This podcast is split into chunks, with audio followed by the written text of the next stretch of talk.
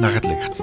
Een programma van de Stichting Adulam in Curaçao over Jesaja 66 vers 3.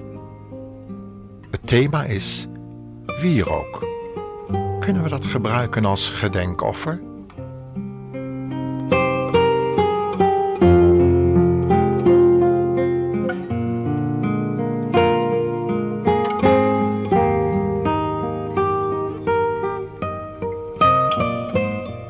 Zoete geur verspreidt zich door de volgepakte ruimte. Mensen bewegen zich tussen grote pakken koopwaar. In de hoek staat een klein altaar met een paar kaarsen ervoor. Ze branden. En gelijk hebben we de bron van die zoete geur gevonden.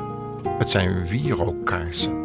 Aangestoken door vrome, goedwillende mensen die menen de goden op deze manier gunstig te kunnen stemmen.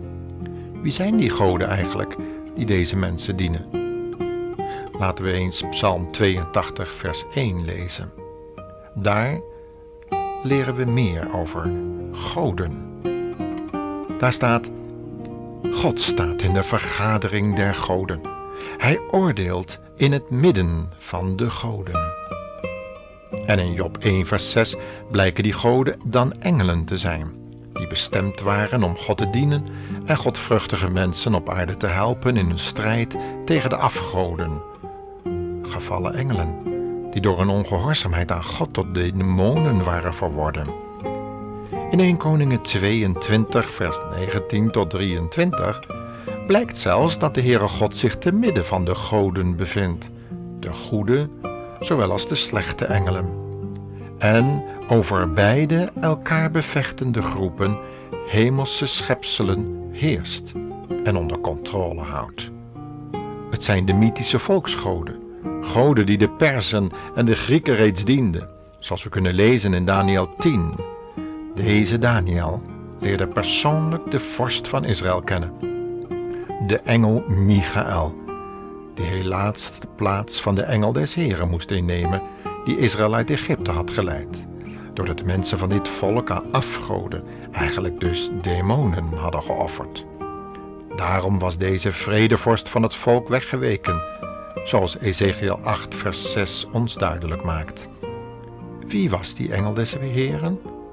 Uit verschillende teksten in de Bijbel kunnen we leren dat dit niemand anders was dan de verschijning van Jezus Christus in het Oude Testament, die wij kennen als de mensenzoon, die tegelijkertijd de zoon van God is. God, geopenbaard in het vlees dus. Ha, wat een indrukwekkende waarheid wordt ons van deze engel van de Heer verteld. Nee, deze engel is een ongeschapen wezen, want hij was van eeuwigheid wat engelen niet zijn. Vandaar dat Hebreeën 1 vers 6 en 7 zegt, als hij, dat is God de eerstgeborene, inbrengt in de wereld, zegt hij dat alle engelen Gods hem aanbidden. En hij vervolgt tot hen te zeggen dat zij als geesten gemaakt zijn om hem als vlammenvuurs te dienen. Maar tot de Zoon zegt hij, uw troon, o God, is in alle eeuwigheid. De scepter van uw koninkrijk is in alle eeuwigheid een rechte scepter.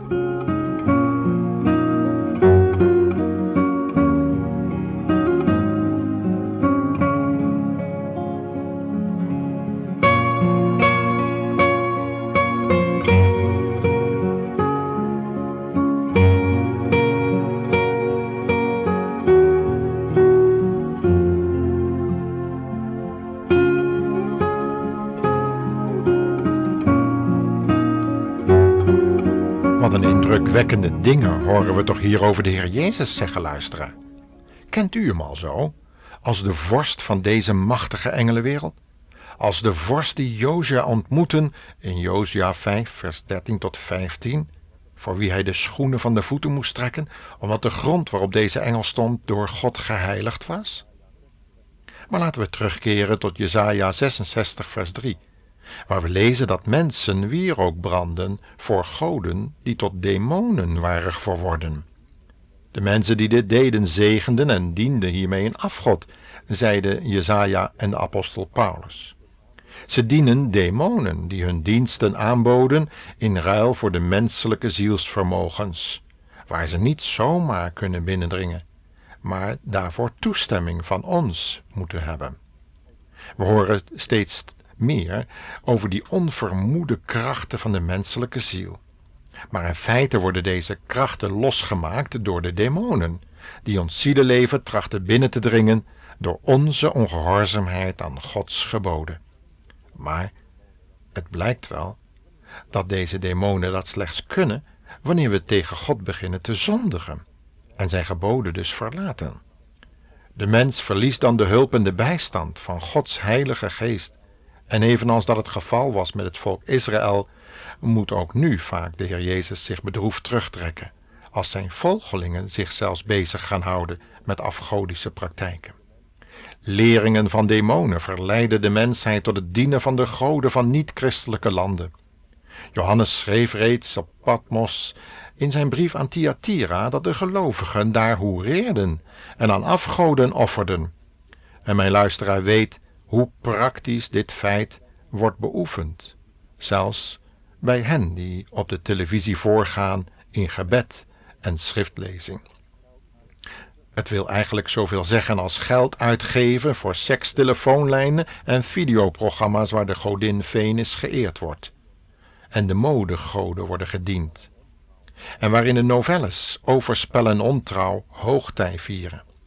Het resultaat van dit soort afgodendienst, zegt Johannes op Patmos, is vaak ziekte, zwakheid en zelfs met dodelijke afloop zoals we kunnen lezen in Openbaringen 2, vers 22 en in Korinthe 11, vers 30.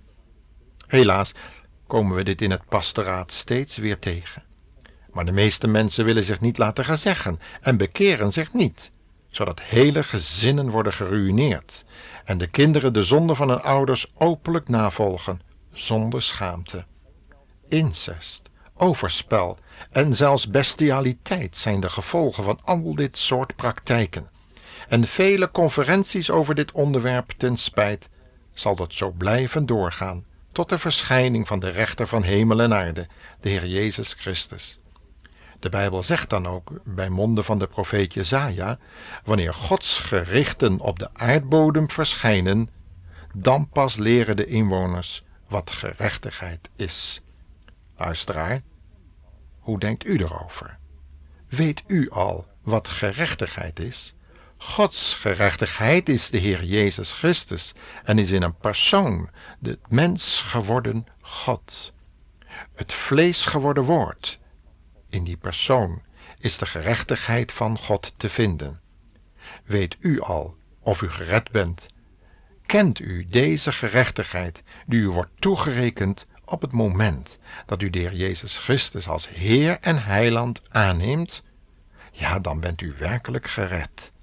En dan zal die gerechtigheid van God ook in uw leven zichtbaar worden, doordat u breekt met al die oude zonden en die openlijk beleidt en wegdoet voor de ogen van de mensen en de engelen, die u zullen gaan dienen, zoals in het Hebreeën 1 het laatste vers staat beschreven.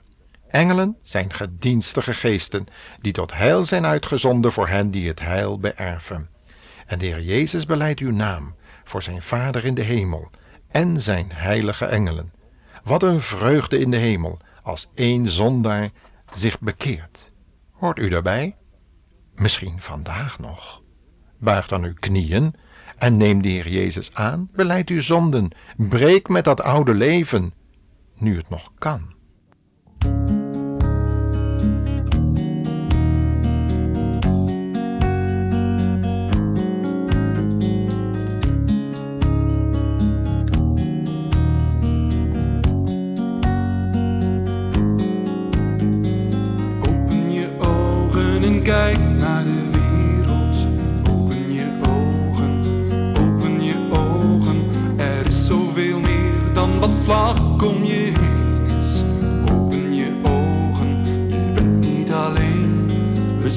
Zo druk met ons leven.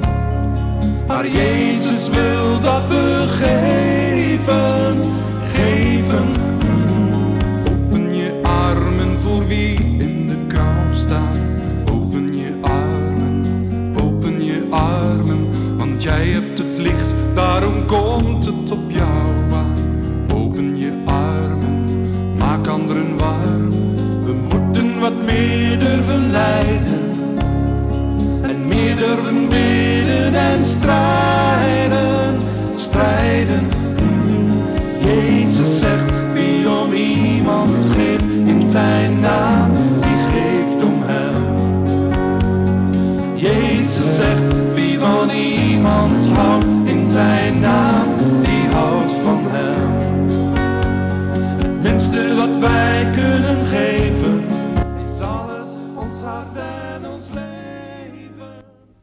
we nog eens luisteren naar Jesaja 66, vers 1 tot 4, waar God zegt, de hemel is mij een troon en de aarde mijn voetbank. Welke tempel kunt u voor mij bouwen, die mij tot een huis zou zijn, om daarin te wonen? Mijn hand heeft toch alles dit gemaakt? Ze zijn toch mijn eigendom? En toch rust mijn oog op de man met een nederig en verslagen hart, die beeft voor mijn woord.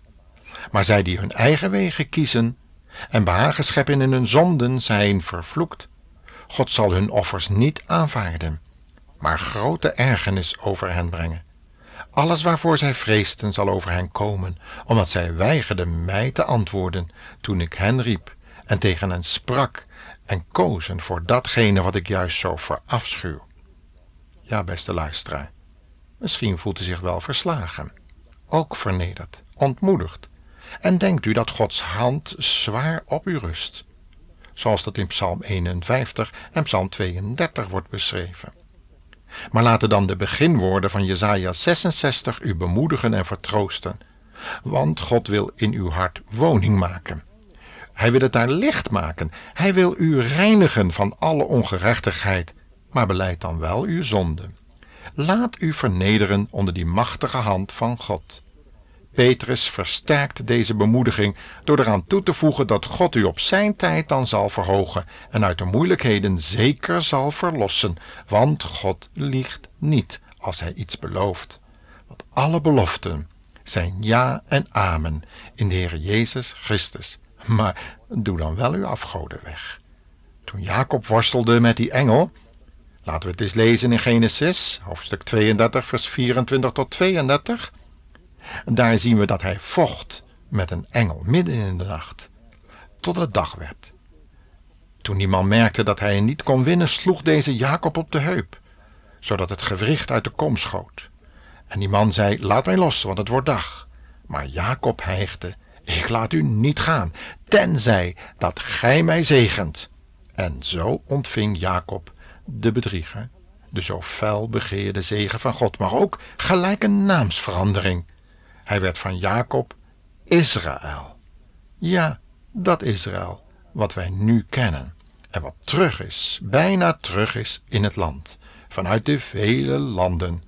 Ja, wanneer wij ons vrijmaken van de zonden in en van Jacob, dat geldt ook voor ons, dan wil God ons zijn zegen geven. Ach, kijk alles nog eens na. Zoek eens naar die huisgoden die ook u heeft in deze moderne beschaving. Misschien wel wat gouden en zilveren hangertjes, kruisjes, beeldjes, die grootmoeder bij de geboorte of de eerste commune gaven, en die u voor kwaad moesten behoeden. Lees het eens, wat de vrouwen van Jacob deden in Genesis 35, vers 4. Ja, toen wij met ons zondige verleden worden geconfronteerd, net als Jacob, dan willen wij los van de leugen en de manipulatie en de afgoderij.